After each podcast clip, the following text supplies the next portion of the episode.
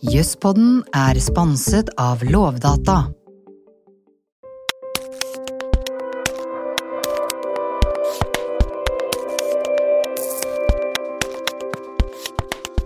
Fritz Moen var eh, døvstum og forsto lite av avhørene og rettssaken som ble ført mot ham. Det ble ikke tilrettelagt for at han skulle få med seg det som eh, skjedde, og han ble dømt for to drap og satt i fengsel i over 18 år for noe han ikke hadde gjort.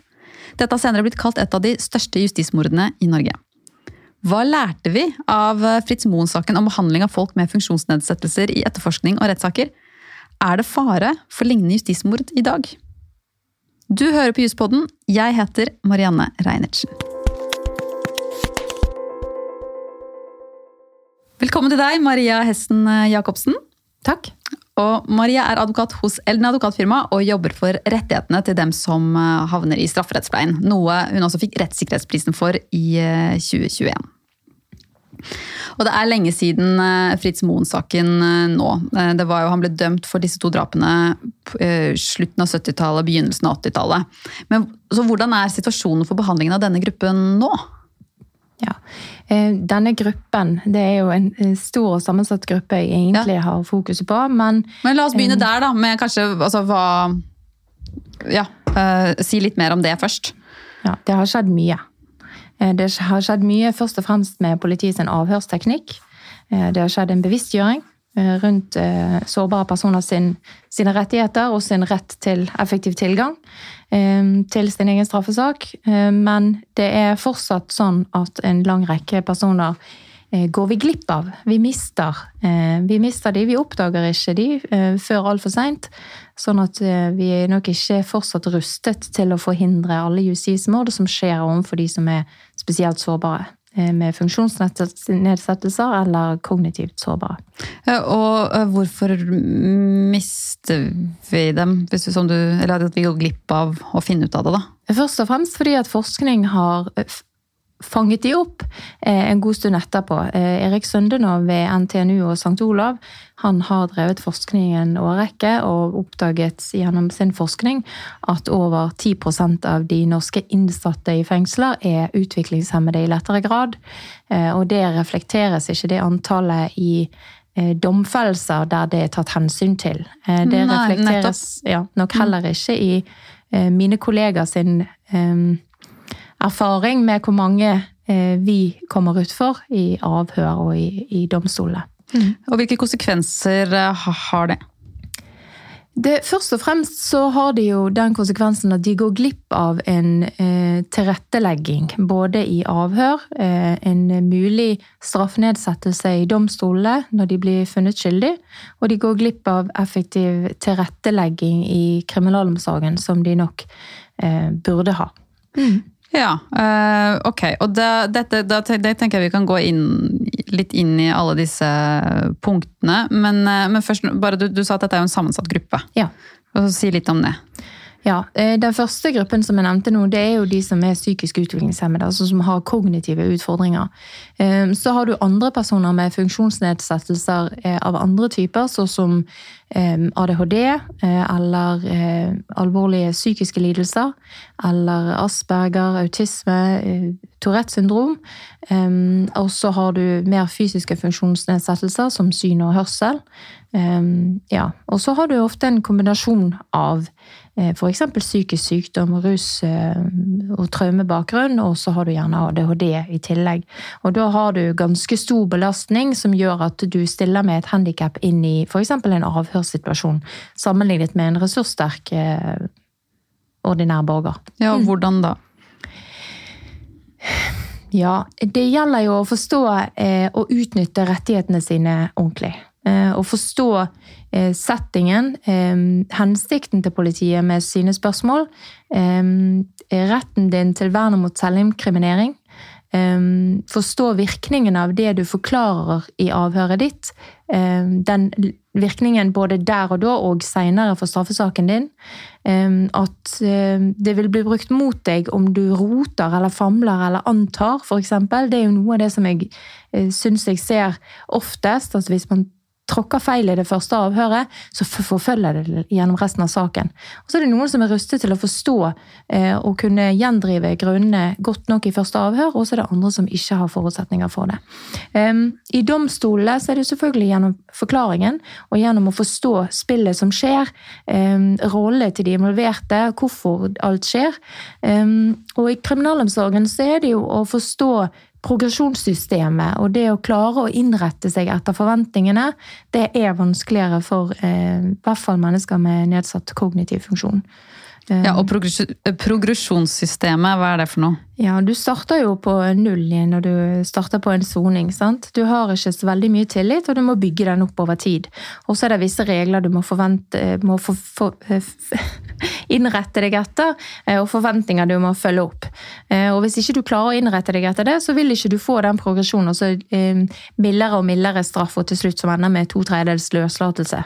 Ja, Å forstå spillereglene der, hvilken atferd som er innenfor og utenfor, det er vanskeligere for noen. Og det har det handler ikke om vilje eh, eller om personlige egenskaper, det handler om naturlige fysiske forutsetninger. Sant? Altså kognitive forutsetninger som de mangler.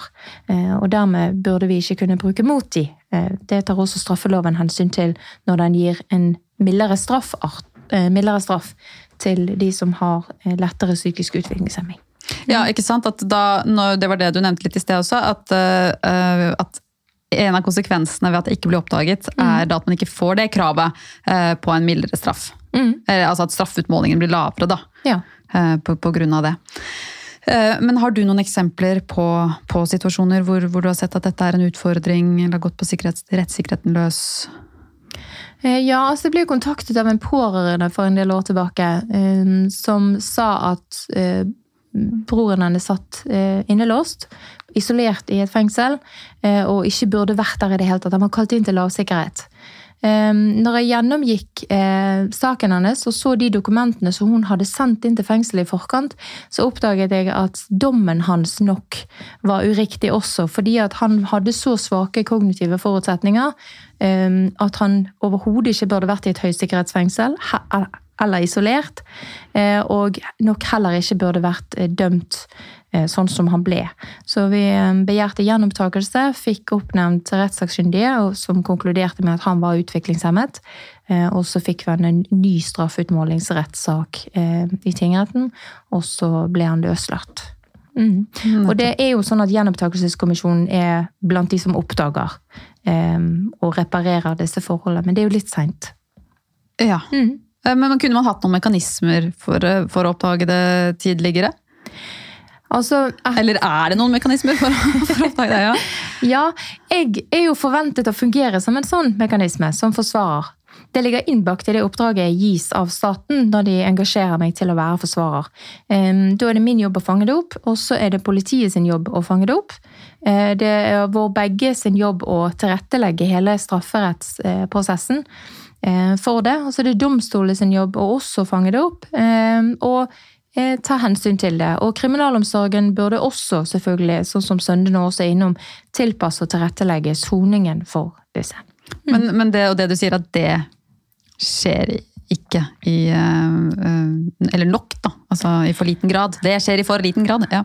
ja, det må det jo gjøre. Vi liker jo å tenke at vi fanger opp og at vi adresserer, men forskningen viser jo at det gjør vi ikke. Ja. Og dermed er vi nødt til å ta aktive grep for å få det til. Men så registrerer jeg at det er kommet en del regelendringer, bl.a. dette med um, tilrettelagte avhør med lyd og bilde av særlig sårbare personer uh, hos politiet. Mm. Men det gjelder ikke for mistenkte. Um, jeg registrerer at politiet gjør det likevel, med unge eller med psykisk utviklingshemmede. Um, men uh, vi har et stykke å gå. ja, fordi hva er rasjonalet der, egentlig? Ved at man har det man har det for vitner og for fornærmede, men ikke for den som er mistenkt for å gjøre Og nå skiller du, du sier mistenkt, men hva med siktet? Ja, jeg skiller ikke mellom de to. i, Nei, i denne så, sammenhengen. Så, så ja. den som er mm. mistenkt eller, eller siktet, da, ankla, mm. den anklagede, eh, den, eh, ja, den har ikke den samme retten, da? Eller rettigheten? Ikke tilsvarende tilpasningsrettigheter. Samtidig så har de nok det etter andre regler Vi kan komme litt inn på det med CRPD, f.eks., mm. som er en konvensjon som Norge har ratifisert eh, for mennesker. Det er FN-konvensjonen om rettighetene til mennesker med nedsatt funksjonsevne, forkortet CRPD, eh, som vi har ratifisert, og som vi eh, forplikter oss til å tilrettelegge strafferettspleien, og da helt fra begynnelse til slutt, for en effektiv tilgang. Og så er jo spørsmålet hva som ligger i en effektiv tilgang, men der ligger det nok noen eh, større forventninger til både politiet og til forsvarer og til domstolen enn det som er eh, tilfellet per i dag.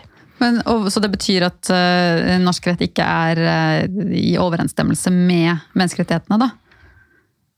Ja. Eh, eller praksis er nok ikke det. Nei. Um, nei. Mm. Ok, Så praksis, nei, så betyr, det betyr at det rettslige rammeverket er der? Ja, nei, det kan nok også skorte litt der, ja. Mm. Ja, og for, for, Hva er eh, utgangspunktet nå? Du sa at man har en bestemmelse eh, for, eh, for vitner og fornærmede, mm. men så har du den ikke for, for de som er um, oh, nå vil jeg si mistenkt igjen. Du, du sa du fant anklaget! Ja. Takk. Um, um, har vi noe annet? Hva, hva er liksom de norske reglene utover det, da? Um, Nei, det er de reglene som gjelder. Ja. Og så er det jo selvfølgelig muligheter til å gjennomføre avhør på veldig mange forskjellige måter. Ja. Men det krever jo at man eh, forstår og oppdager at det bør gjøres. Eh, og i der ligger det nok noen eh, rom for forbedring. Eh, I rutiner for å oppdage. Sant? I begynnelsen av et avhør i dag så blir eh, klientene mine spurt har du noe fysiske eller psykiske eh, helseforhold som vi burde kjenne til eller som gjør det vanskelig for deg, eller sånn, og så vil de svare ofte nei. Eh, men, men, hvis du går nærmere inn og spør, eh, så vil du kunne oppdage ting eh, ja. som tilsier at her er ikke det helt sikkert at vedkommende kan fullt ut nyttiggjøre seg de rettighetene han har. Selv med bistand av forsvarer. Det pleier jeg å protokollere i avhør. Hvis jeg opplever det sånn, så sier jeg at jeg er usikker på om min klient er i stand til å nyttiggjøre seg rettighetene sine fullt ut, og forbeholder meg på eh, å påstå eh, virkninger ja. av det seinere. Ja. Mm. Ja. Sånn at forsvarer, men også eventuelt politiet, gjør det i en skal si, innledende fase i, eh, i avhør for å avdekke Ja, jeg har vel ikke erfart at politiet gjør det, men, men, det hender jo at de gir en heads up om at vi, vi opplever vedkommende som eh, kanskje burde undersøkes litt nærmere. Sant? Også politiet fanger jo også ofte opp eh, hvis det er personer med, eh, der det kan være tvil om tilregnelighet. Sant? Ja. Ja, for det, eh, Jeg har jo tidligere snakket med Asbjørn Rachlew om avhørsmetodene. Ja. Og hvordan de var, var før, og mm. hvordan de har utviklet seg. Og blitt veldig mye bedre, heldigvis. Absolutt. Men du kan si de standardene som foreligger nå, egentlig så burde man, burde, burde man fått inn en en lignende sånn type sånn, altså inn et eller annet om dette i en sånn type veiledning for hvordan avhør skal foregå, eller hva man bør gjøre før man begynner med avhør. da. Ja, altså det finnes jo et EU-direktiv, eh, straffeprosesser eller rettigheter for særskilt sårbare, eh, som gir en presumpsjon om sårbarhet. Eh, og en plikt til å undersøke om, sårbar, om det er sårbarhet. Eh, og en plikt til å tilrettelegge for i ethvert skritt eh, for denne sårbarheten. Bl.a. annet gjennom en økt tilgang til bistand av advokat, eller mer tid, eller hjelpemidler, eller ja, hva det måtte være. Dette er ikke tatt inn, det er ikke norsk rett. Det forplikter ikke Norge.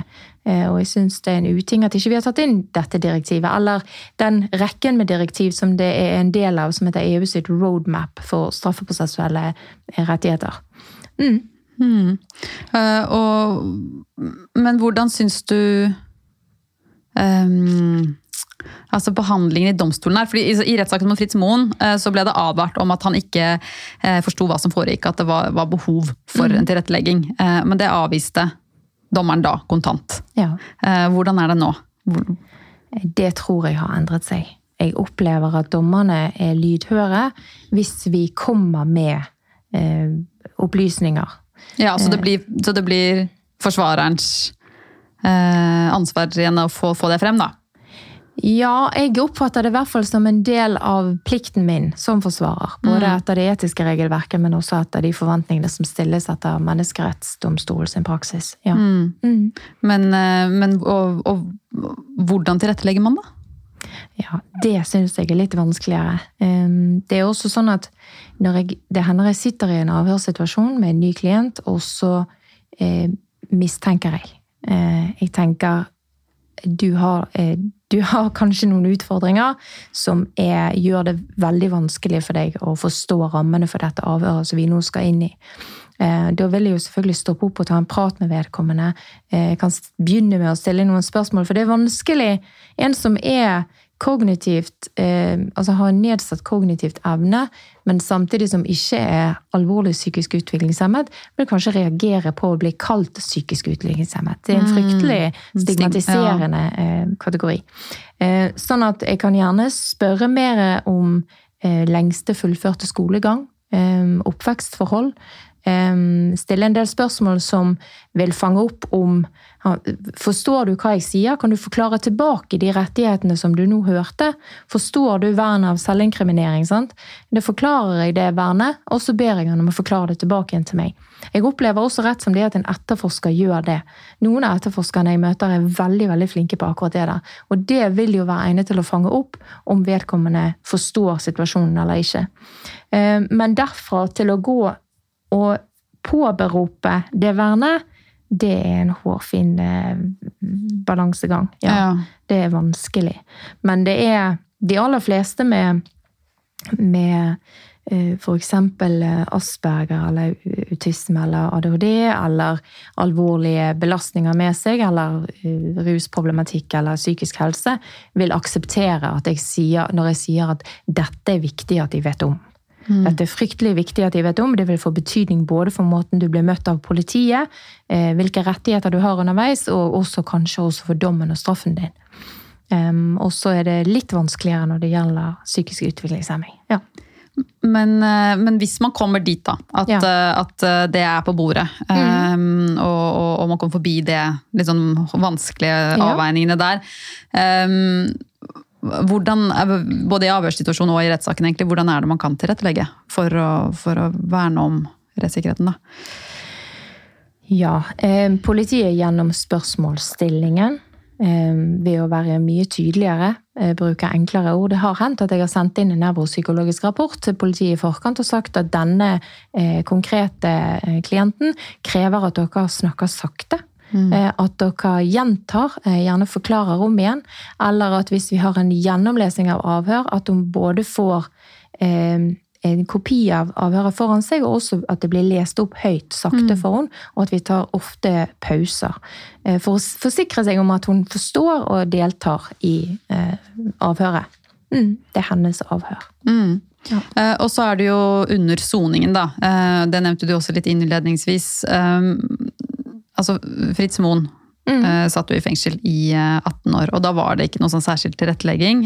Hvis jeg husker riktig, og det var i hvert fall slik at han satt varslet om soningsforholdene hans. Mm. Eh, og du nevnte jo også at 10% av de innsatte har ulike slike utfordringer. Så hvilke behov, behov er det da som oppstår, og hvordan ivaretas det i norske fengsler?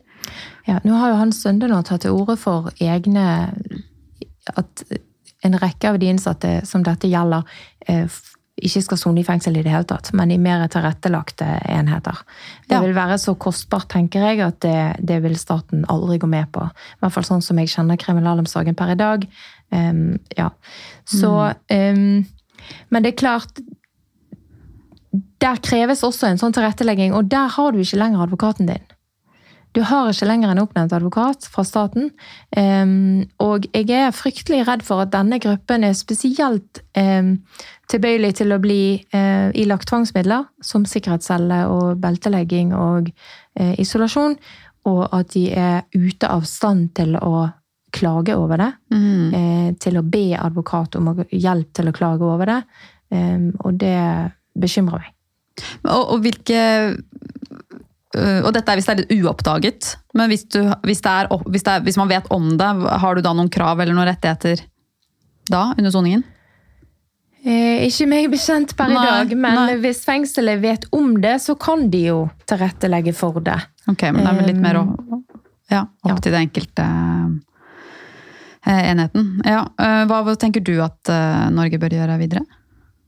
Jeg tenker at vi må eh, ikke bare ratifisere CRPD, vi må ta inn den tilleggsprotokollen som gir mulighet for å klage til FN-organet. Mm. Jeg tenker at vi også må eh, ta den inn i menneskerettsloven. Jeg tenker at vi må ta inn disse EU-direktivene, alle sammen, eh, men kanskje spesielt dette for sårbare personer. Eller ta inn tilsvarende bestemmelser i straffeprosessloven. eh, Og gjøre det til en tydelig formulert plikt både i påtaleinstruksen og i straffeprosessloven at forsvarer eh, og politi skal fange opp og tilrettelegge for sårbarhet. Mm. Så det er egentlig veien videre, da. Ja, sånn gode rutiner for at vi tar en sjekk på dette. Eh, Det er en annen eh, justismordsak fra 1990, hvor eh, Åge Vidar Fjell ble dømt for eh, drap og satt i fengsel i mange år. Eh, Han hadde en IQ på 51, og det, det var noe man også var klar over, men det ble ikke hensyntatt. Og dette har senere blitt kalt eh, et av våre største justismord. Eh, Og han ble avhørt eh, 17 ganger uten forsvarer, og hadde heller ikke hjelpeverge til stede under avhørene. Og dette, eh, sånn som jeg forstått det, så var det tillatt på den tiden, Mm. men det er ikke lov nå. Nei. Eh, og, dette, og, dette med politiets avhørsmetoder, det, eh, og hvordan de har, var, og hvordan de endrer seg, det, det snakker eh, jeg mer i episode 70 om, med Asbjørn Rachlew. Men er det ikke sant, Vi har Fritz Moen-saken, vi har denne Fjell-saken. Har vi, har vi andre den typen saker? Eller fra nyere tid? Eh, Ja, vi har, jo, vi har jo den som jeg snakket om i sted. eh, Og så har jeg kollegaer som har nevnt andre eksempler, men som jeg ikke kan gå inn på Nei. akkurat nå. Nei, men det. Så det, det skjer fortsatt. Liksom, disse sakene er jo fra lenge siden, men det skjer fortsatt. Ja. ja, det gjør det. Ja. Ok, nei, men uh, vi får håpe at, eh, at uh, Norge tar til følge, da, og både implementere FNs konvensjon, for eh, folk med funksjonsnedsettelser og ja. EUs eh, direktiver. Mm. Og så vil jeg bare si tusen takk til deg, Marie Heisen Jacobsen, for at du eh, stilte opp i denne episoden av Juspodden. Takk skal du ha. Mm. Jeg heter Marianne Reinertsen. og Ha en fin dag videre, alle juspoddere. Og så høres vi igjen neste uke.